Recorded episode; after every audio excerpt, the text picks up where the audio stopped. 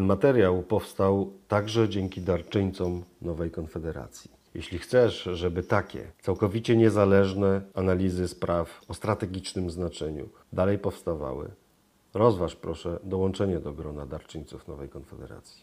Bartłomiej Radziejewski. Dzień dobry, witam bardzo serdecznie w dyskusji organizowanej przez Nową Konfederację. Ja nazywam się Gabriela Masztafiak i na co dzień zajmuję się w Nowej Konfederacji księgarnią. E, a dzisiejszą rozmowę prowadzę dlatego, że rozmawiać będziemy o książce, wokół książki i o tematyce zbliżonej do książki wydanej przez wydawnictwo Szczeliny, a będącej autorstwa pana Dominika e, Heja, pana doktora Dominika Heja, którego mamy przyjemność dzisiaj gościć. E, witam panie doktorze. Dzień, Dzień dobry. dobry, kłaniam się i bardzo dziękuję za zaproszenie. My dziękujemy serdecznie za przyjęcie naszego zaproszenia. Dodam tylko, że pan dr Dominik Hej jest politologiem e, specjalizującym się w tematyce węgierskiej. Z tego co e, kojarzę też o korzeniach węgierskich, tak? bo pana rodzina pochodzi e, częściowo właśnie z Węgier. Pan doktor jest także analitykiem w Instytucie Europy Środkowej w Lublinie oraz dziennikarzem Dziennika Gazety Prawnej. Witam raz jeszcze. Natomiast naszym drugim gościem e, jest dzisiaj pan Andrzej Sadecki. Pan Andrzej Sadecki jest analitykiem w Ośrodku Studiów Wschodnich oraz kierownikiem zespołu środkowoeuropejskiego. Witam serdecznie. Dzień dobry, panie Andrzeju. Panie Andrzeju, jest pan wyciszony, jeśli mogę prosić o. Tak, już. Dzień dobry. Dzień dobry. Dziękuję bardzo za zaproszenie. Ja również dziękuję za to, że zgodził się Pan wziąć udział w dyskusji. No i cóż, e, w węgierskiej polityce bardzo dużo się dzieje. Mam wrażenie, że my niewiele o tym w Polsce słyszymy. E, szczególnie przebijają się do nas informacje, e, kiedy Węgrzy mają problemy w Unii Europejskiej. A szczególnie wtedy, kiedy te problemy zbliżone są do problemów, z którymi boryka się polski rząd, na przykład w kwestiach praworządności. No ale ta węgierska polityka wynika z czegoś. Ktoś tą polityką zarządza. Od lat jest to e, Viktor Orban, e, o którym e, między innymi bardzo dużo w swojej książce pisze pan doktor. A ja mam takie pytanie, jeśli chcielibyśmy przybliżyć tę postać polskiemu odbiorcy, skąd tak naprawdę w węgierskiej polityce wziął się Viktor Orban? Jakie są jego korzenie? Co go inspiruje politycznie? Panie doktorze, pozwolę oddać głos jak, jako pierwszemu, jako autorowi książki.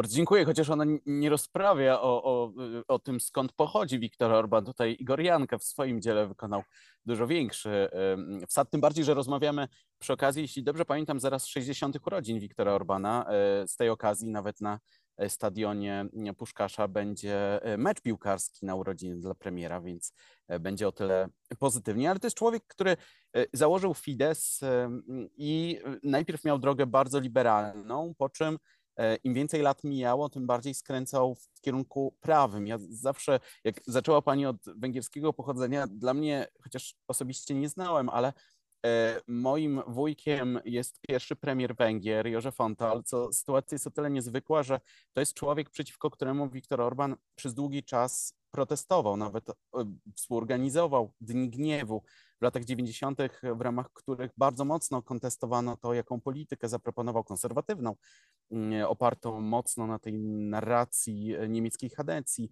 e, właśnie premier e, Ontal. Natomiast miało dojść do, mm, i to jest z jednej strony mityczne, z drugiej strony na pewno w każdym micie jest sporo prawdy, do takiego pojednania na łożu śmierci premiera, który odchodził w ciężkiej chorobie w 1993 roku. E, no i moim zdaniem to jest moment, w którym Viktor Orban wpada na pomysł nie tyle z racji być może swoich przekonań, bo też trudno byłoby się aż tak szybko mm, przestawić z liberalizmu na, na konserwatyzm, ale znajduje takie miejsce i to jedna z osób e, gdzieś tam na swojej życiowej drodze usłyszałem też pewne potwierdzenie tej tezy, że Viktor Orban po prostu znalazł dla siebie miejsce zagospodarował, zagospodarował to, co zostało po Józef Fontole. On oczywiście nie był jedynym konserwatywnym politykiem prawicy. Tam było bardzo wiele e, znamienitych postaci na przestrzeni lat. Natomiast finalnie i ostatecznie rozmawiamy w momencie, w którym co prawda ma jeszcze coś bardziej od siebie prawego, mianem określanego znowu skrajnego, tak jak kiedyś Jobbik, e, dzisiaj już nawet formalnie nazwa partii tego typu nie istnieje, tylko są konserwatyści. No i ma na prawej stronie skrajną prawicę pod tytułem Michozang, czyli nasza ojczyzna. Natomiast jego ewolucja w wymiarze politycznym, ale też ideowym i też, co jeszcze jedno ważne, religijnym, mówiąc wprost, ale nie rozmawiamy tu o, że tak powiem, doznaniach duchowych, ale o tym, w jaki sposób wykorzystać religię mm, w celach politycznych, no to jest ewolucja, która jest bardzo ciekawa i coś, co warto jest jeszcze wskazać na wstępie, bez względu na to, jak oceniamy później działania E, Wiktora Orbana, zechciała Pani powiedzieć, że rozmawiamy w trudnym dla Węgier czasie, bo i tak jest, e, to jednak jest to polityk niewątpliwie niebywałego formatu, e, obok którego przejść obojętnie się co najmniej nie da i kogoś, kto na pewno w historii, myślę, że nie tylko Węgier, ale po części też Europy Środkowej, myślę, że na długie lata się zapisze, że ktoś taki w polityce był, no i tę politykę prowadził w ten sposób. No właśnie, panie doktorze, wspomniał pan, mm, wspomniał pan o tej ewolucji Wiktora Orbana, o jego drodze, którą przeszedł y, właściwie od lat 90. od polityka y, o zabarwieniu y, liberalnym w stronę, w stronę konserwatyzmu. No przecież pamiętamy e, dobrze, że Viktor Orban w latach 98-2002 sprawował funkcję premiera na Węgrzech. No i to on był tą osobą, która wprowadzała Węgry w struktury Unii Europejskiej, w struktury NATO. I Pytanie do pana Andrzeja w takim razie. Co takiego stało się z Wiktorem Orbanem na przestrzeni lat, że to dziedzictwo e, wprowadzania Węgier do Unii Europejskiej chyba trochę zaczęło mu ciążyć? Nie sądzi pan, że e, mając na prawej flance e, prawicową konkurencję, e, Fidesz próbuje się e, nieco odróżnić? Czy zgodzi się pan z taką tezą? Tak, faktycznie. E, była to następna ewolucja Orbana. W zasadzie, jeśli spojrzeć na jego biografię polityczną, to widzimy bardzo wiele tych e, przemian i, i wolt e, wręcz w poglądach i w polityce, którą realizował. Ja bym powiedział o takich dwóch kluczowych wydarzeniach, które chyba stworzyły dzisiejszego Orbana, czyli przegrane wybory w 2002 roku, kiedy no w zasadzie niespodziewanie dla samego Orbana to był okres prosperity jego rządów, wejścia, do, to znaczy finalizowania negocjacji unijnych, wejścia do NATO yy, i generalnie stosunkowo dobry okres dla yy, Węgier i wtedy niespodziewanie Orban yy, przegrywa, na chwilę załamuje się ale jak się okazuje, wraca z tego mocniejszy. I kolejnym szokiem to był y, międzynarodowy kryzys gospodarczy, wydaje się, czyli lata 2008-2009, który bardzo silnie uderzył Węgry. Węgry się wtedy znalazły w zasadzie na skraju bankructwa.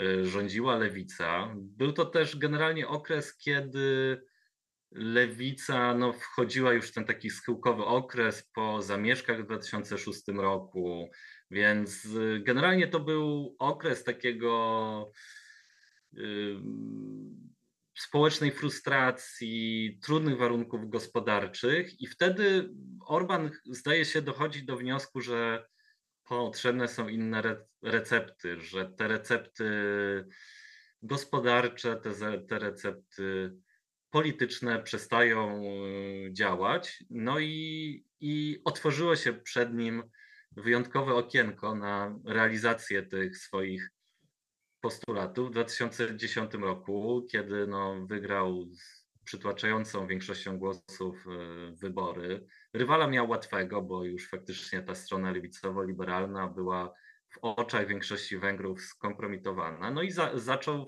wprowadzać ten program, który nie do końca łatwo nazwać, bo on jest z jednej strony, jak sam Orban deklaruje, nieliberalny, natomiast jest taką hybrydą. Na pewno dotyczy jak największego rozszerzenia władzy wykonawczej i to obserwowaliśmy na y, Węgrzech w ostatniej dekadzie. Mamy do czynienia też z ograniczaniem roli władzy sądowniczej i generalnie rozpychaniem się tej władzy jakby skupionej wokół y, Orbana. No i to zaczęło rodzić spory z Unią Europejską, no, które obserwujemy od wie, wielu lat.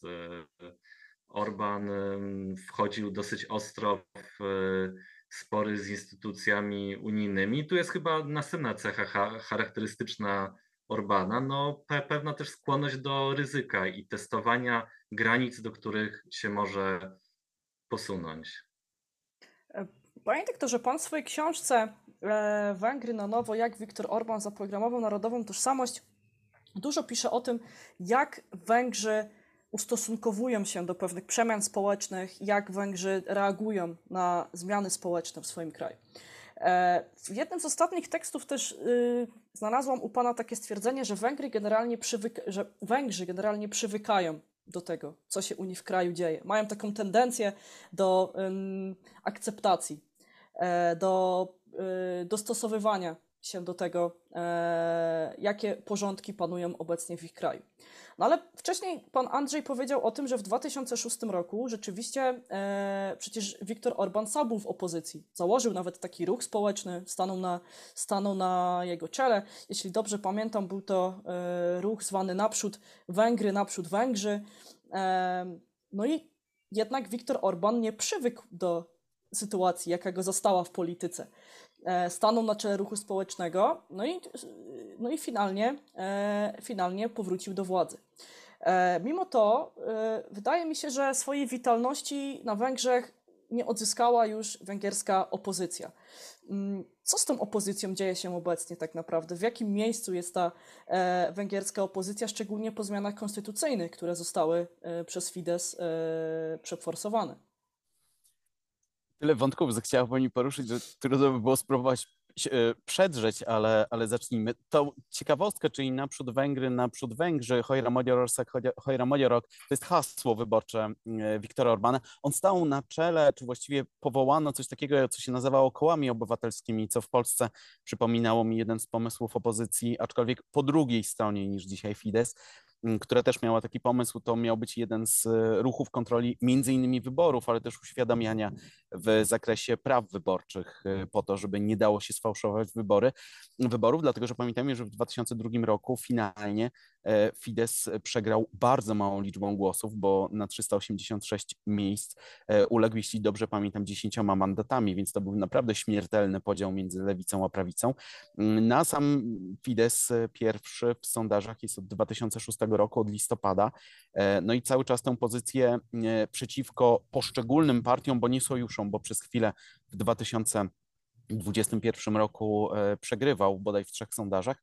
Natomiast faktycznie jest to, jest to siła niezwykła. Jeszcze jedną ciekawostkę tylko dodam, mm, bo zechciała Pani powiedzieć o Unii Europejskiej. To, co jest ciekawe, a na przestrzeni lat ilekroć pisałem o Unii Europejskiej, tylekroć już sobie to uświadomiłem, najważniejsze punkty e, związane z członkostwem Węgier w Unii Europejskiej przypadały, co ciekawe, na rządy lewicy, nie na rządy Fideszu, bo Fidesz e, w 2004 już nie rządził i tak naprawdę te ważne kroki milowe były podejmowane przez e, wszystkich, byle nie, byle, byle nie Fidesz. Ja sam pamiętam taki wywiad, e, teraz nie pomnę dokładnie z którego roku, ale w którym Viktor Orban na przykład mówił, że nie jesteśmy teraz w Unii Europejskiej i nic się nie dzieje, więc istnieje życie poza Unią Europejską, to potem mu dość mocno wyciągano. Ale to tyle na marginesie e, Unii Europejskiej. Natomiast co do opozycji, mm, Andrzej zechciał powiedzieć o tej dominacji e, władzy wykonawczej.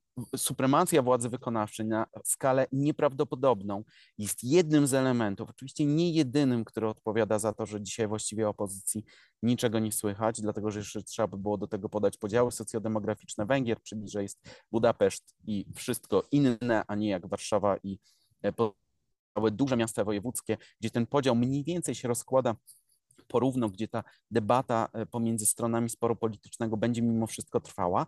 Natomiast e, na Węgrzech to nie ma miejsca. Warto jest e, teraz uwzględnić, że trwa obecnie mm, dyskusja na temat przedłużenia kolejnego stanu nadzwyczajnego ujętego w konstytucji, stanu zagrożenia. Tym razem, jeśli dobrze pamiętam jego długą nazwę, to z powodu trwającej w sąsiedztwie wojny i wynikającej z niego kryzysu humanitarnego albo migracyjnego, gdzie zostanie on znowu przedłużony na 390 dni. Co to daje? Ano to, że Viktor Orban rządzi rozporządzeniami, czyli e, dekretami w polskim odpowiedniku. I tak naprawdę już przyzwyczaił nas do tego, ponieważ najpierw był stan covidowy od 2020 roku, bodaj od 8 albo 11 marca, e, gdzie tak naprawdę Węgry są rządzone w tym stanie i to mniej więcej działa tak, że jak się ten stan kończy, to powoływane jest rozporządzenie, które ten stan odwołuje, powołuje i przedłuża wszystkie dotychczasowe rozporządzenia do czasu zakończenia obecnego obowiązywania tego rozporządzenia. Co to daje? Ano to, że chociaż parlament pracuje, no bo wszyscy gdzieś ekscytujemy się tym, co się dzieje wokół mm, ustaw ratyfikujących NATO, gdzie nagle się okazuje, że ta wola parlamentarzystów jest niezwykle ważna. Ja pomijam oczywiście konstytucyjne przesłanki za tym, że musi się zebrać parlament, to jednak inne strategiczne decyzje, też w wymiarze wojskowym, podejmowane są e, na zasadzie rozporządzeń. W związku z tym, jakby z, z, parlamentaryzmem ma to niewiele wspólnego. Dlaczego my o opozycji nie słyszymy? Z jednej strony, e, no to jest sromotna porażka w wyborach w 2022 roku, gdzie znowu trzeba było to rozłożyć na składowe, bo Oczywiście ja jestem krytyczny pod względem jej działań, tego, że lider sobie nie poradził, że komunikacyjnie to e, bardzo szybko było zweryfikowane. Zresztą ja w tej książce przytaczam super ciekawe badanie, które nie ja przeprowadziłem, tylko Instytut Badań Internetu, który e, badał w jaki sposób, to jeszcze z Polski, żeby było ciekawiej, który badał przekazy i zasięgi E, w mediach społecznościowych opozycji i Fidesu i to, o czym, to jest powszechnie dostępny raport, więc nie trzeba koniecznie sięgać do książki, do której e, sięgnięcia oczywiście zachęcam, ale super ciekawe jest, żeby zobaczyć w jaki sposób, jakie różnice komunikacyjne tam zadziałały. Co więcej, że Fidesz potrafił zaktywizować E, oczywiście szokował, ale potrafi zaktywizować też wyborców po wszystkich stronach. Natomiast opozycja mówiła w zasadzie do swojej wąskiej e, grupy zwolenników, czyli tych, którzy i tak byli przekonani, żeby zagłosować. No i też nie udało się pobić frekwencyjnego rekordu. Oczywiście to wciąż była wysoka frekwencja wyborcza, ale nie tak wysoka, jak, e, jak moglibyśmy się spodziewać. Natomiast te wybory w 2022 roku są oczywiście moim zdaniem o tyle niemiarodajne, że one się odbywały no ile, 6 tygodni tak po wybuchu wojny, która wybuchła 24 lutego, wybory były 3 kwietnia, to nawet 5 tygodni. Więc tak naprawdę dosłownie w ciągu sekundy cała wajcha komunikacyjna e, Fidesu skupiła się na tym, że opozycja chce wysyłać żołnierzy na wojnę. E, ta narracja dzisiaj znowu wróciła e, i wysyłać broń i doprowadzić do śmierci Węgrów w obwodzie zakarpackim na Ukrainie i tak dalej. W związku z tym jakby tutaj było wiadomo, że to się dobrze nie skończy, ale inna rzecz, związana jest choćby z ordynacją wyborczą. Andrzej chciał powiedzieć, no w 2010 roku Fidesz wygrał z niesamowitą większością w ordynacji, która była dla niego bardzo trudna. Dzisiaj jak Fidesz wygrywa, rośnie mu realna liczba głosów, ale dzięki matematycznym zabiegom, prawie 3 miliony głosów, które są w puli, to są e, głosy z matematyki, nie fizycznych ludzi, którzy głosują, w zdecydowanej większości zresztą wspierające mm, Fidesz. I to jest tak, że jakby moim zdaniem nie da się dzisiaj opozycji wygrać wyborów. E, stąd to rzucę bardziej jako temat, bo niestety nie było na to nigdy ze strony opozycji odpowiedzi, ale w mm, prewyborczych kampanii e, po stronie opozycji, e, kiedy zapraszano, bo też dostępu do mediów też nie mają, ale zapraszano ich do tych mediów, które gdzieś tam były z nimi mm, sympatyzujące, to powstał po stronie opozycyjnej taki pomysł, żeby de facto zbudować równoległy system prawny, E, Markizoj, który był liderem opozycji, mówił o tym, że mają ekspertyzy prawne, które mają udowodnić, że to się da zrobić, że da się zmienić konstytucję ustawą okołokonstytucyjną i do tego później przeprowadzić referendum. No ale okazało się, że to nie będzie jednak takie proste i że sytuacja będzie dużo bardziej skomplikowana. Niestety nigdy nie poznaliśmy dowodów na to, że dało się to przeprowadzić, no ale summa summarum to jest jeden z powodów, dla których opozycja, poza tym, że trudno jej przejąć pałeczkę, że tak powiem, pierwszeństwa, w aspekcie związanym z, z nadaniem pewnego tonu debacie publicznej, czegoś, co uwielbiam z języka węgierskiego, nazywa się tematyzowaniem dosłownie. E, no ale to jest jeden z, z tych elementów, które później wpływają na to, że de facto nawet jeżeli opozycja by coś wymyśliła, e, to ona równie dobrze mogłaby do 2026 roku w ogóle nie przychodzić do pracy i nie jest to czynnikiem alarmowym, jak ten, który e, piszczy zaraz za mną. Panie doktorze, przysłuchując się Pana wypowiedzi, no, trudno nie odnieść wrażenia, że Viktor Orban jest politykiem bardzo konsekwentnym mimo wszystko, bo przecież to, co e, zrealizował no, poprzez e, zmianę ordynacji wyborczej w 2012 roku, no, jako żywo przypomina jego zapowiedź z 2010 roku, kiedy e, Bajle Tusznat mówił o tym, że demokracja wcale nie musi być liberalna, że są, jest bardzo dużo różnych odcieni tej demokracji. A to, do czego doszło w 2012 roku, no to rzeczywiście to, o czym Pan mówi, czyli właśnie okręgi wyborcze zostały e, w dużej mierze skrojone pod e, miejsca, gdzie wysokie poparcie mm, osiągała właśnie partia Fidesz, tak? partia Viktora Orbana. Ale doszło też do dużego zjednoczenia opozycji. Tak? Wybory w 2022 roku pokazały, że to, że węgierska opozycja poszła do wyborów bardzo dużym, zjednoczonym blokiem, który padł ofiarą tak myślę, wewnętrznych tarć, e, problemów i wewnętrznych e, nieporozumień. Myślę, że to może być ciekawa, ciekawa lekcja też dla naszej polskiej opozycji, która obecnie e, rozważa opcję startu ze wspólnej listy. Ale pana Andrzeja chciałam, chciałam, chciałam zapytać, właśnie w kontekście tego, co w 2010 roku powiedział powiedział Viktor Orban o tym, że demokracja wcale nie musi być liberalna, że y, de facto węgierskie społeczeństwo, e, wyrażając swoje poparcie dla Fidesu w wyborach, niejako y, pokazało właśnie, że te liberalne wartości odrzuca. No ale co, co na ten temat mówi e, węgierskie społeczeństwo? Czy rzeczywiście jest tak, jak mówi Viktor Orban? Czy on de facto w tym 2010 roku i wprowadzając kolejne zmiany e, zdołał odgadnąć e, to, co gra w tej węgierskiej duszy? Czy to jest totalnie mm, tylko i wyłącznie sfera politycznej wizji Orbana i zupełnie nie współgra to ze społecznym odbiorem?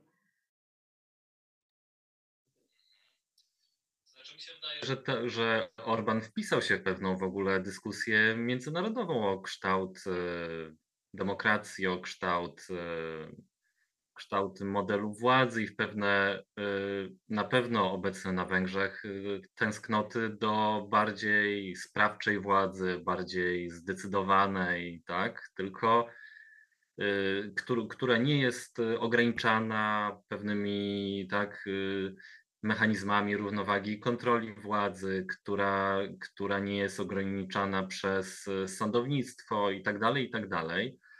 Natomiast no, efekt, który jest, jest e, taki, że dzisiaj po 12 latach, 13 już w zasadzie, rządów Orbana, no, mamy do czynienia w zasadzie e, z jednopartyjnym państwem, tak, w którym partia odgrywa tak olbrzymią rolę i już w zasadzie nie pamiętamy o tych e, wczesnych postulatach Orbana właśnie no, uzdrowienia z systemu, tak? I, i no, tak to oczywiście było wówczas motywowane, że, że musimy jakby zmienić system władzy, żeby dokonać realnej władzy w państwie. No, a dzisiaj mamy taką sytuację, w której w zasadzie mamy rosnącą oligarchizację, czyli jeśli się nie należy do Fidesu, to w wielu obszarach gospodarki w zasadzie nie masz się szans na sukces. Czyli trochę w pewnym sensie, no może nie na tą skalę, ale wracamy do epoki uznawanej powszechnie za słusznie minioną. Więc, więc w tym sensie, yy, nawet jeśli to wynikało z, z jakichś przesłanek, które były popularne w społeczeństwie i wyraża, wyrażały jakiegoś ducha dziejów, no to konsekwencja jest, y, myślę, odmienna niż ta, y, którą sobie Węgrzy wyobrażali. Natomiast na pewno, i tu się zgadzam absolutnie, że Orban ma doskonały słuch y, społeczny. Wielokrotnie, mam wrażenie, umiał gdzieś tam rozczytać, zwłaszcza lęki Węgrów. Nawet chyba w ostatnich latach w mniejszym stopniu węgierskie nadzieje, ale właśnie lęki. I mieliśmy w zasadzie po kilku latach rządu wydawałoby się, że Fidesz wkracza w kryzys. To był 2014 rok. Jeszcze udało im się wygrać e, drugi raz z rzędu wybory, ale już były oznaki zmęczenia e, społeczeństwa i wtedy zaczął się kryzys migracyjny, no, który stał się szansą, którą Orban dostrzegł bardzo wcześnie i tak naprawdę mm, przekonał Węgrów, że migranci są e, zagrożeniem, to znaczy te lęki przed obcością były oczywiście, znaczy Węgry nigdy nie były, a przynajmniej nie były w, w ostatnich latach e, celem migracji, więc to doświadczenie z, z osobami przybywającymi z odległych miejsc na Ziemi E, z, z węgierskiego punktu widzenia, no było czymś oczywiście nowym. Natomiast te lęki były oczywiście pogłębione przez bardzo, e, bardzo intensywną kampanię billboardową, gdzie straszono migrantami i tak dalej. I to się stało pewną szansą, którą Orban wykorzystał i to wykorzystał nie tylko w kraju, ale i za granicą, bo dzięki temu właśnie po tych kilku latach, kiedy zaczął być na marginesie europejskiej polityki, grillowany regularnie w Parlamencie Europejskim za zmiany w państwie. Kryzys migracyjny pozwolił mu znowu wyjść z inicjatywą, znowu stał się kimś, do którego wszyscy odnosili się w dyskusji. Reaktywował Grupę Wyszehradzką, czy w każdym razie sprawił, że zajęła ona bardzo wyraziste stanowisko w Unii Europejskiej. Więc w tym sensie umiał bardzo sprawnie odwołać się do pewnych zakorzenionych lęków. I tak samo jest w zasadzie dzisiaj, no, od roku, kiedy sytuacja jest niestabilna w Europie Środkowo-Wschodniej, jest wojna za granicą, no i Orban y, mówi Węgrom: Słuchajcie, jest wojna. Y, ja zrobię wszystko, żeby konsekwencje były dla Was jak najmniejsze. Oczywiście to jest dosyć zagrywka, można by powiedzieć, perfidna, no bo mm, jakby tłumaczy Węgrom, że w zasadzie nic nam do tego. Zapomina, kto jest agresorem, a kto ofiarą w konflikcie. Yy, I w tym sensie on odczytuje pewne lęki społeczne. I może ostatnia kwestia w tym wątku. Wydaje mi się, że Orban też bardzo dobrze odczytał pewne zmęczenie taką technokratyczną polityką odartą z pewnych wartości, zakorzenienia w tradycji i to takie mocne osadzenie tej dzisiejszej codziennej polityki w długiej historii Węgier, tak, odwołania do rewolucji węgierskiej, odwołania do traktatu z Trianon i tak dalej, jakby y, mam wrażenie, że odpowiadało na pewien głód, chyba szczególnie obecny na Węgrzech, ale chyba generalnie w wielu społeczeństw Europy Środkowej za pewnym takim, no właśnie, osadzeniem w przeszłości.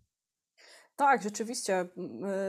Myślę, że w ogóle dyskusja o ewolucji węgierskiej tożsamości, począwszy od y, tej traumy, która towarzyszy y, do dzisiaj od czasu traktatu z Trianon, to tutaj y, zasługuje na pewno na osobną dyskusję. Ja mam nadzieję, że że taką dyskusję uda nam się, uda nam się przeprowadzić e, jeszcze. Natomiast e, wspomniał pan, Panie Andrzeju o słuchu społecznym Wiktora Orbana, o całkiem, o całkiem niezłym słuchu społecznym, ale jeśli chodzi o słuch w polityce międzynarodowej, bo e, od lat właściwie węgierską polityką międzynarodową kieruje e, człowiek nazywający się Peter Sijarto.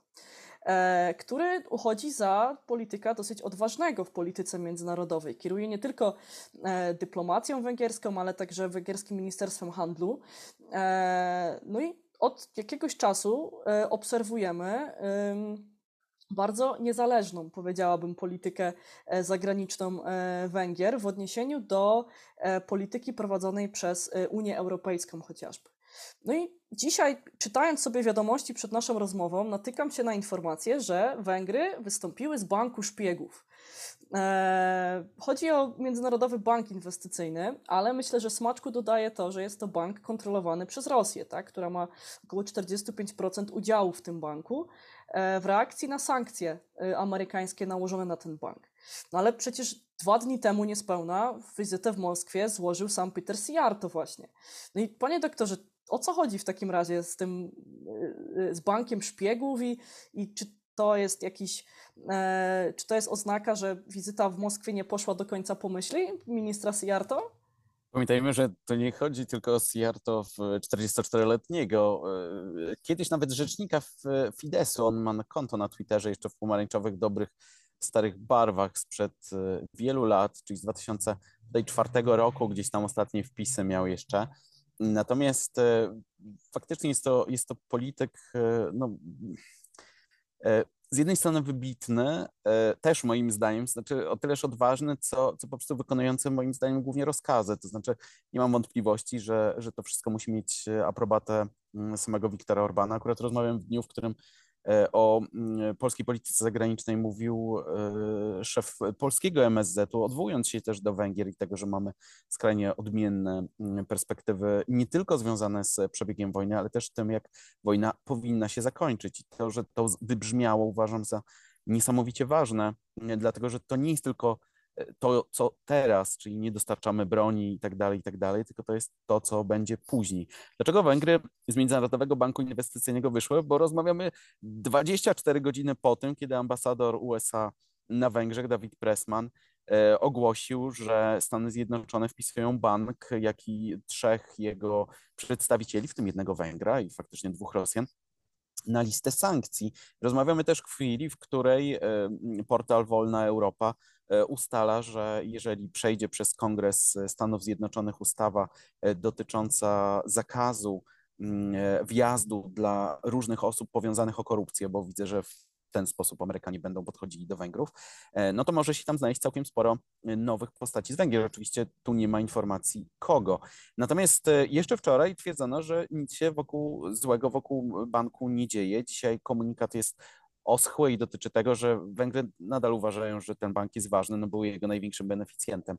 Natomiast jednocześnie, że no, utracił swoją możliwość działania z racji sankcji. Dla mnie kluczowe pytanie dotyczy tego, czy bank wyniesie się z Węgier dlatego że on się przeprowadził do Budapesztu w 2019 roku. Lokalizację ma fantastyczną, mają status dyplomatyczny, w związku z tym żadna władza nie może tam wejść, żadna organa państwa, działają w ogóle równolegle do całego systemu. W Radzie Nadzorczej, z racji tego, jaka jest struktura tego banku, który powstał jeszcze w latach 70., Polska wyszła z niego w 2000 roku. Natomiast zasiadał tam m.in. minister rozwoju gospodarczego Martin Nolik, który według mediów miał osobiście zabiegać o to w Królestwie Belgii, żeby odblokowano część środków, które miał MBI. To znaczy Węgrzy bardzo pomagali Rosjanom w kwestii tego banku też między innymi zmieniając strukturę właścicielską w taki sposób, żeby można było pomóc. No i to nie jest tak, że rozmowa źle poszła w Moskwie, dlatego że Siarto znowu przywiózł jakieś nowe umowy.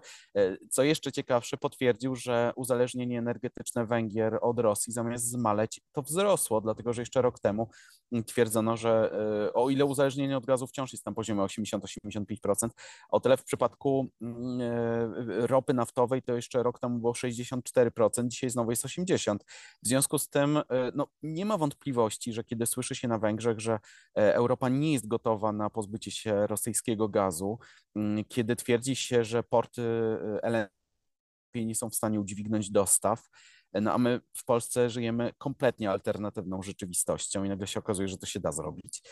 No to na Węgrzech musiałem się najpierw o tym w ogóle dowiedzieć. Ja pamiętam taki wywiad jeszcze wtedy ministra Witolda Waszczykowskiego, który powiedział, że to był bodaj 2018 czy może 17 nawet, czy, czy jeszcze wcześniej rok, kiedy na łamach Heti Valos mówił, że Węgry trzeba zrozumieć, że nie mają alternatywy na dostawy energii. No ale kiedy one powstaną, no to będziemy rozmawiać inaczej. No to one już dawno powstały. Natomiast niewiele wskazuje na to, żeby miało się to zmienić. Zawsze kluczową decyzją, nawet w polskiej prasie, jest to, że ma być to energia, która jest tania.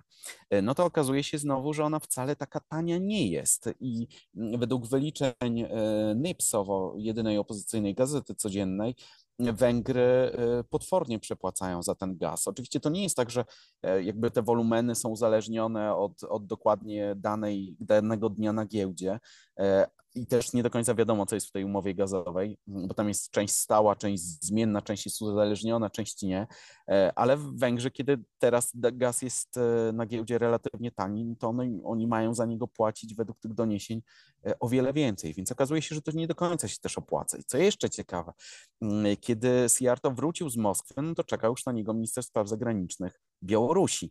My wiemy, jakie mamy relacje z Białorusią, zresztą na Węgrzech zorganizowano nawet węgiersko-białoruskie forum gospodarcze, w czasie którego minister spraw zagranicznych Białorusi bardzo ostro wypowiadał się o Polsce, udowadniał, że sankcje w ogóle nie mają sensu. Siarto oczywiście o jakichkolwiek politycznych więźniach się nie zająknął, zresztą był w Mińsku w ostatnich dniach lutego bieżącego roku, natomiast podpisał całkiem sporo ciekawych umów. No i w obszarze współpracy w zakresie energii atomowej. To jest o tyle ciekawe, że to się działo dzień po dniu, że najpierw podpisano kolejne porozumienie z wicepremierem Federacji Rosyjskiej. To ma być uaktualnienie e, tej, tego kontraktu na, mm, na nowe dwa bloki elektrowni atomowej w Paksz. Ostatnia umowa była w 2014 na Kremlu podpisana. Natomiast e, to, co jest ciekawe, skąd ta Białoruś? Ano głównie wydaje się, że po to, że sankcje tak szybko Białorusi nie dosięgną. W związku z tym, jeżeli mowa jest o tym, że będzie transfer technologii, no to e, on nie będzie z Rosji, żeby nie było sankcji, e, tylko dokładnie te same, e, te, te, te same urządzenia funkcjonują na razie na Białorusi. W związku z tym mm, wystarczy po prostu ten transfer zaciągnąć stamtąd. No i to jest duża rola de facto spuentujemy jednocześnie Rosję, Białoruś i Unię Europejską, ale to jest wielka i ciekawa rola tego, co się wydarzy teraz w związku z tą umową, która będzie musiała być wysłana do Komisji Europejskiej. Jeżeli Komisja Europejska się ugnie, a Węgrzy postawią na przykład takie, jestem w stanie sobie to wyobrazić, żądanie, że już nie chodzi o środki, ale macie nam mm, przypieczętować paksz, a wtedy Szwecja wejdzie do NATO, no i y, Komisja Europejska się zgodzi, no to zgodzi się też na wejście e, po raz kolejny Rosjan do regionu.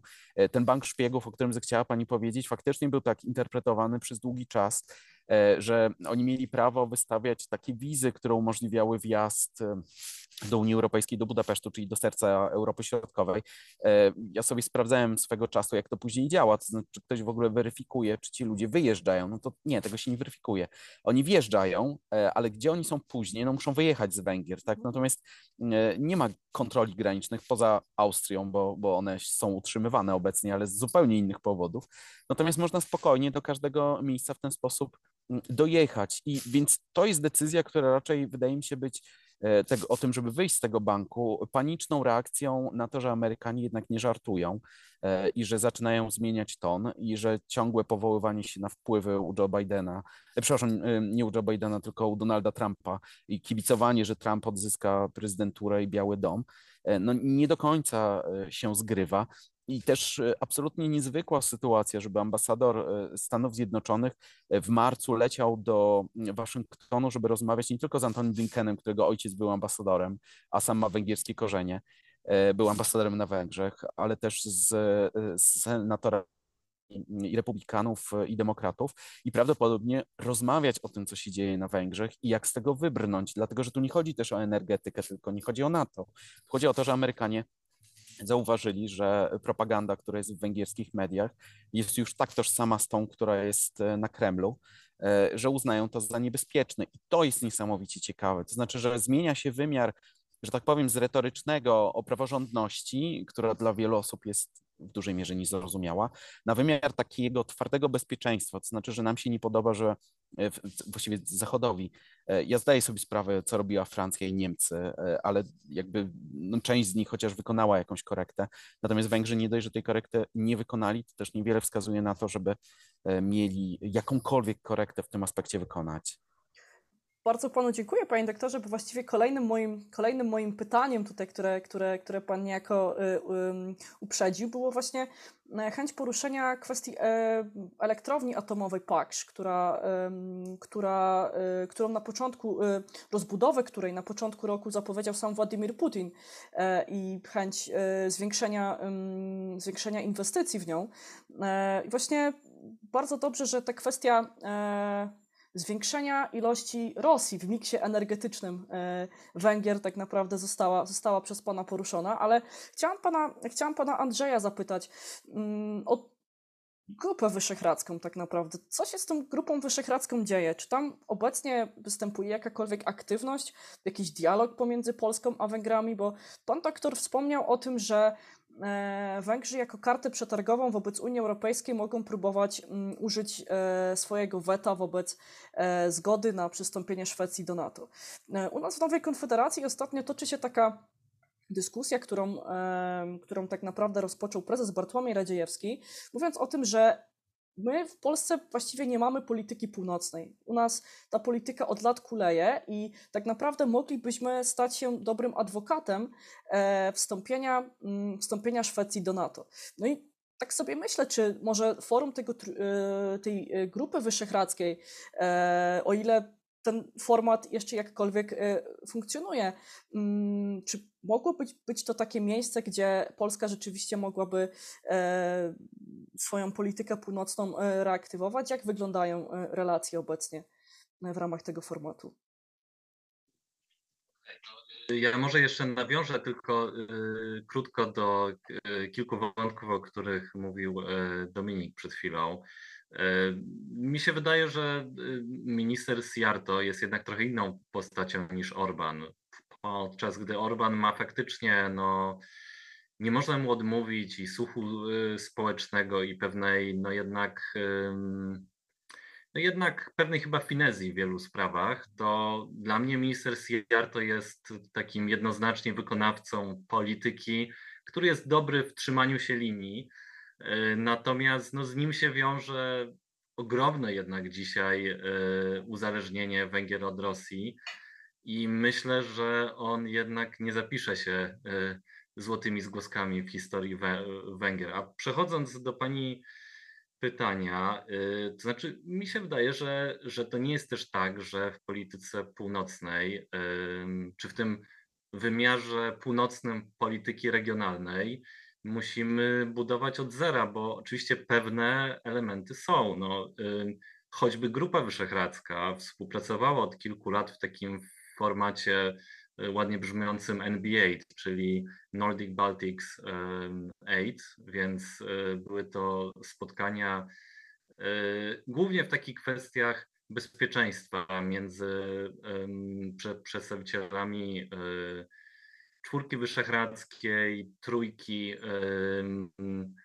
bałtyckiej i piątki y, nordyckiej. To oczywiście się trochę zatrzymało w związku z tym, że no generalnie mamy osłabienie współpracy wyszehradzkiej no, równo od roku, tak, od, od inwazji rosyjskiej na Ukrainę. Ta kwestia, która już wcześniej dzieliła Wyszehrad, to, to znaczy Grupa Wyszehradzka współpracowała blisko, zwłaszcza w kwestiach unijnych, w rozmaitych kwestiach regionalnych. Natomiast ta kwestia stosunku do Rosji dzieliła, no i w momencie, gdy wojna stała się wojną pełnoskalową, y, no to te różnice egzystencjalne stały się no, na tyle istotne, że tak naprawdę nie mamy zbyt wielu dzisiaj y, s- spotkań w Grupie Wyszehradzkiej. To znaczy format działa. Oczywiście s- y, spotkania się odbywają, ale na niższym szczeblu. Spotkań na tym szczeblu premierów, ministrów jest, jest stosunkowo niewiele. Oczywiście tutaj Węgry są no, tym, tą przy, przyczyną, bo akurat od ostatniego roku mamy bardzo dużą intensyfikację relacji Polski ze Słowacją i Czechami. Tak? Znaczy tutaj jeśli chodzi o wsparcie dla Ukrainy, w zasadzie mówimy jednym głosem. I y, problem jest z Węgrami.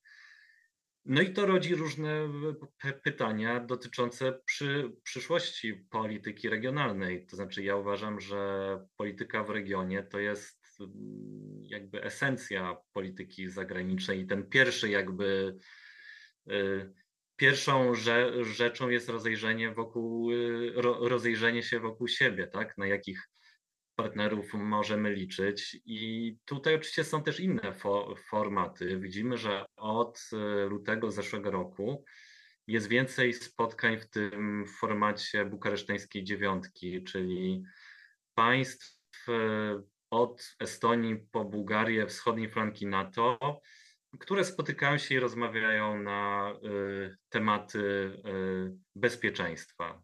I tu faktycznie w związku z tym kryzysem Grupy Wyszehradzkiej widać, że trochę więcej y, spotkań jest w tym formacie. Jest inicjatywa Trójmorza, która już działa od 7-8 lat. Y, W tym roku ma być szczyt w Bukareszcie, no, która gromadzi trochę więcej państw. Tam jest trochę większe zróżnicowanie od, od oczywiście korem jest znowu Wyszehrad, czyli Polska, Słowacja, Czechy i Węgry, ale jest też Rumunia i Bułgaria, są Bałtyki, ale jest i Austria, Chorwacja i Słowenia, więc jest to nieco szerszy format skupiony na bardziej takich kwestiach y, infrastrukturalnych, które jak widać od y, inwazji Rosji na Ukrainę są jeszcze bardziej istotne i one nabierają nie tylko wymiaru cywilnego, ale i, i, mile, i militarnego, na ile jesteśmy skomunikowani. No mam wrażenie, że dla regionu bardzo dużym obciążeniem w tym otwarciu na północ jest to ciągłe blokowanie przez Węgry wejścia Szwecji do NATO. Y, miejmy nadzieję, że Węgry w, w końcu ratyfikują wejście y, Szwecji do NATO. Y, tutaj stanowisko Węgier jest synchronizowane ze stanowiskiem Turcji. To widzieliśmy w przypadku ratyfikacji członkostwa Turcji, w Finlandii oczywiście w sojuszu że tak naprawdę Węgry od razu zdecydowały się po ogłoszeniu przez Turcję, że zgodzi się na wejście w Finlandii. Węgry zrobiły to samo. I ja nie sądzę, żeby Węgry miały potencjał, żeby na jakąś dużą skalę szantażować Unię Europejską i NATO. Są zbyt małym państwem, i takie próby pewnie będą grania czegoś od Szwecji, zwłaszcza, że Szwecja ma obecnie prezydencję w Unii Europejskiej, a na stole w Unii są kluczowe rzeczy dla Węgier, czyli pieniądze oczywiście, fundusze unijne, które są częściowo zablokowane. Mówię tutaj o funduszach spójności, a y, Węgry wciąż nie otrzymały również y, środków z funduszu odbudowy, więc tutaj na pewno jeśli myślimy o tej polityce północnej, no to Węgry są tutaj obciążeniem, ale e, jest na, nadzieja, że to jest kwestia kilku miesięcy, kiedy Szwecja w końcu znajdzie się w NATO i wtedy otworzą się nowe mo możliwości dla współpracy Europy Środkowej z Nordykami. Czyli pan Andrzej, e, pan Andrzej stawia, stawia tezę, że jednak Unia Europejska porozumie się e, z Wiktorem Orbanem i Szwecja e, finalnie do NATO dołączy, że, że, że Węgry, jednak, mm, Węgry jednak tę zgodę wyrażą. Ale tutaj oczywiście no, rozmawiamy w takiej rzeczywistości międzynarodowej, gdzie wojna na Ukrainie dalej się toczy. Owszem, widać pewne międzynarodowe znużenie tym konfliktem. Ostatnio też wizyta Wołodymira Załęskiego w Polsce e, mogła być próbą takiego poderwania jeszcze tych e, nastrojów społecznych, by tę Ukrainę dalej wspierać. Ale chciałabym zapytać pana doktora, bo w lutym tego roku napisał pan taki bardzo ciekawy artykuł dla dziennika Gazety Prawnej, stawiając w tytule pytanie, czy Węgry czekają na klęskę Ukrainy. E, no i tam oczywiście, e, tam oczywiście rozwija Pan taką bardzo ciekawą kwestię tego, że e, na 7 godzin przed rozpoczęciem rosyjskiej inwazji na Ukrainę w węgierskich mediach pojawił się wywiad z byłym ministrem obrony narodowej Węgier, który mówił o planach wojskowych węgierskich, o przegrupowaniu wojsk na granicy z Ukrainą E, no i mówił o konieczności zbudowania silnej armii węgierskiej przeciwko Ukrainie. No i chciałam pana zapytać o to, e, skąd, skąd takie informacje mogły pojawić się e, na Węgrzech, skąd taka, skąd taka decyzja pana zdaniem, aby taki wywiad już na 7 godzin przed, przed inwazją rosyjską na mm, Ukrainę wyemitować i skąd taki, skąd taka koncepcja, aby wzmacniać tę armię węgierską właśnie przeciwko, przeciw, przeciwko Ukrainie.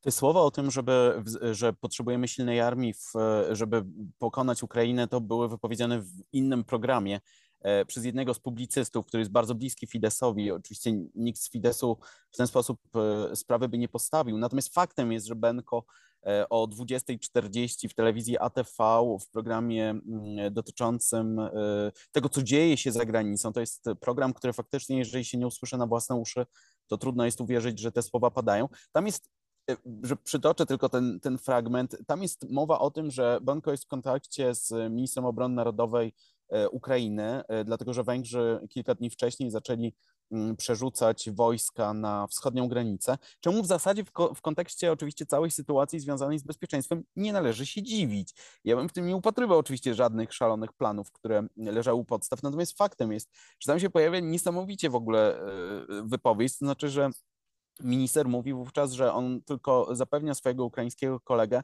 że te wojska przy granicy to nie stoją po to, żeby wejść, e, tylko one bronią granicy.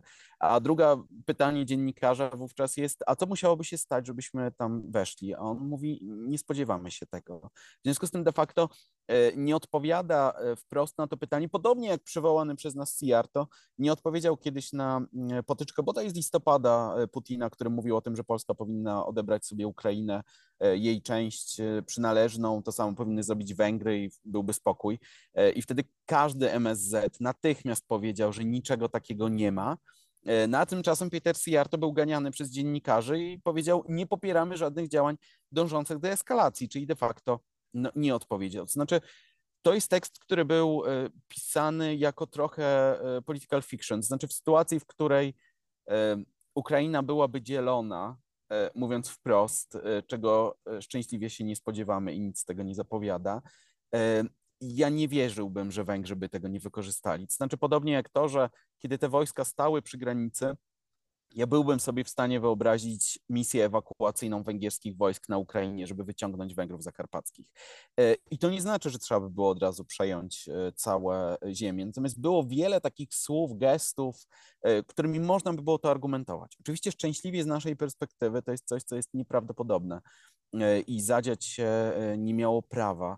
Natomiast Węgrzy, mam wrażenie i też z różnych informacji od różnych osób, z którymi mam przyjemność rozmawiać, nie są traktowani jako wiarygodny partner e, w kwestiach bezpieczeństwa regionalnego e, i są, mm, że tak powiem, w różny sposób mniej bądź bardziej otwarty, wykluczani z różnych rozmów ważnych albo po prostu się rozmawia w kuluarach żeby nie zawsze mm, z nimi. Czasami są nawet takie żarty, E, gdzieś tam pod tytułem, że jeśli ktoś z Węgrów w trakcie spotkań wychodzi i dzwoni, to zaraz się ktoś śmieje, że dzwonią do Rosji. Ale jeżeli doszliśmy do takiego momentu, w którym e, taka sytuacja ma miejsce, e, w którym i to nie był jakby coś takiego też można było zauważyć, że przed poleceniem on gdzieś do, mm, do Kosowa to, przepraszam, do Bośni i Hercegowiny, to rzeczony Peter Siarto sam się chwalił, że wcześniej ustalał wszystko z Ławrowem E, w związku z tym to akurat nie był przypadek, że, że takie korelacje, czy, czy taka dyskusja była. Zresztą sam Orban był w Moskwie 1 lutego na, na trzy tygodnie z hakiem, nie jako przewodniczący OBWE, jak w przypadku Polski, e, tylko z własnej nieprzymuszonej woli poleciał do, do Moskwy, gdzie zasiadł za słynnym stołem. Natomiast to jest rzecz, która jest bardzo ciekawa. W ogóle całe relacje też e, szwedzko-węgierskie, które są dużo bardziej skomplikowane, bo tam wchodzą w wymiar wojskowości, Węgrzy latają gripenami, ale były problemy, że tak powiem, kontrwywiadowcze z tym, co działo się wokół szwedzkich firm po stronie węgierskiej. W związku z tym tam jest dużo zarzewi pewnego konfliktu, które pozwalają dzisiaj Węgrom grać tak, jak grać. Jakby przykrywką jest to, że Szwecja ma nie traktować w odpowiedni sposób Węgrów, dlatego będą teraz czekać. No to to jest zemsta w obliczu wojny, która jest za E, za granicą brzmi sama w sobie kuriozalnie. W związku z tym, jak zechciała Pani powiedzieć, że e, komisja się dogada, Węgry nie mają nic do gadania w tym układzie. Znaczy, Andrzej ma w pełni rację, Węgry są za małe. I to, co jest niezwykłe jakby od strony zabiegu PR-owego, to jest to, że Węgrzy sami się dali ograć samymi sobie. Dlaczego? To znaczy, dało się to jeszcze dużo wyjaśnić. No, zrobili tą komisję, która pojechała do Finlandii, do Szwecji głównie fotografowała się nad jedzeniem na Instagramie. Brzmi to kuriozalnie, ale kompletnie nie było żadnych wniosków z tej wizyty. Poza czterema posłami, mm, którzy pojechali, w tym dwoma europarlamentarzystami Fidesu, którzy pojechali w tą podróż, kompletnie nie postawili żadnych żądań, żadnych rozmów, niczego nie przywieźli konkretnego. E, nie zostali uspokojeni, jak to sami mówią, w kwestiach tego, czy Szwecja będzie ich teraz szanować. E, w związku z tym jeszcze poczekali na ten moment, e, kiedy Turcja stwierdziła, że, że jednak podejmie dyskusję o Finlandii, czyli wyszło na to, że czekali, żeby nie wyjść ostatnio. Słowa dotrzymali w tym aspekcie. Natomiast sami się o tyle zakiwali, że przestali być podmiotem własnej gry. E, I teraz to samo prawdopodobnie będzie ze Szwecją, to znaczy na pewno nie będą ostatnim państwem, dlatego że wszystko rozegra się tak naprawdę o prawdopodobnie po wyborach w Turcji ja byłbym w stanie sobie wyobrazić jeszcze jeden scenariusz, w którym mimo wszystko oczywiście Turcja jest za duża, żeby sobie pozwolić na, na patrzenie tylko na Budapeszt, ale byłbym sobie w stanie wyobrazić jakieś porozumienie między Orbanem a Erdoganem które polegałoby na tym, że, że przypieczętują to przegłosowanie po 1 lipca. Dlaczego? Bo wtedy Szwecja e, kończy przewodnictwo w Radzie Unii Europejskiej, czyli jakby PR-owo z perspektywy węgierskiej dobrze by wyszło, a jednocześnie zdążyliby przed szczytem e, w Wilnie, który jeśli dobrze pamiętam zaczyna się 11 lipca, czyli w te 10 dni spokojnie by przegłosowali przez dwa parlamenty, spokojnie by przyjęli e, Szwecję tak jak chcieli, no i w Wilnie zasiedlibyśmy w dużo większym gronie. Natomiast Węgry wizerunkowo mam wrażenie, że tracą i zaryzykowali bardzo dużo e, i to się nie podniesie tak szybko. Natomiast ostatecznie o tym, jaką Węgry poniosą cenę tej swojej polityki, e, przyjdzie nam zaczekać do momentu, w którym będzie pokój na Ukrainie i w którym zobaczymy, która wizja wygrała. Czy ta e, Zachodu, który wspiera Ukrainę, no czy ta, która była gdzieś tam bliższa Wiktorowi Orbanowi, który z kolei twierdzi, że jego opinia e, i zapewne ma rację, e, jest dominująca na świecie. To znaczy, z perspektywy całego świata ta wojna to nie jest coś ważnego i myślę, że duża część świata popiera wizję Wiktora Orbana dotyczącą po prostu tego, że jest to wojna między dwoma słowiańskimi mm, krajami, w którą niepotrzebnie miesza się Zachód. Szanowni panowie, bardzo panom dziękuję za dyskusję. Myślę, że koniecznie, koniecznie musimy e, wrócić do tematu Węgier e, na naszej antenie, bo jest jeszcze bardzo dużo do powiedzenia, szczególnie w kontekście e, w, e, w kontekście tego, o czym pan doktor powiedział na samym końcu, czyli e, przystąpienia e, Szwecji do NATO i tego, jak ta rozgrywka jeszcze się potoczy. Ja panom bardzo serdecznie dziękuję za dzisiaj. E, Naszymi gośćmi w dyskusji Nowej Konfederacji byli pan dr Dominik Hej. Dziękuję Bardzo serdecznie dziękuję, bardzo. oraz pan Andrzej Sadecki, analityk Ośrodka Studiów Wschodnich. Ja ze swojej strony polecam. Dziękuję bardzo. Ja ze swojej strony polecam raz jeszcze książkę pana doktora Dominika Heja Węgry na nowy. e, Węgry na nowo, gdzie bardzo dużo wątków, o których dzisiaj rozmawialiśmy, e, jest e, rozwinięty. Książkę do nabycia w naszej księgarni, a państwa zachęcam do subskrybowania naszego kanału, do wizyty na naszym portalu i Również zachęcam Państwa do obserwowania naszego wydawnictwa, bo już niedługo nowa pozycja Technosapiens e, o świecie w dobie rewolucji cyfrowej. Zapraszam Państwa do śledzenia naszych kolejnych rozmów. Dziękuję Panom serdecznie.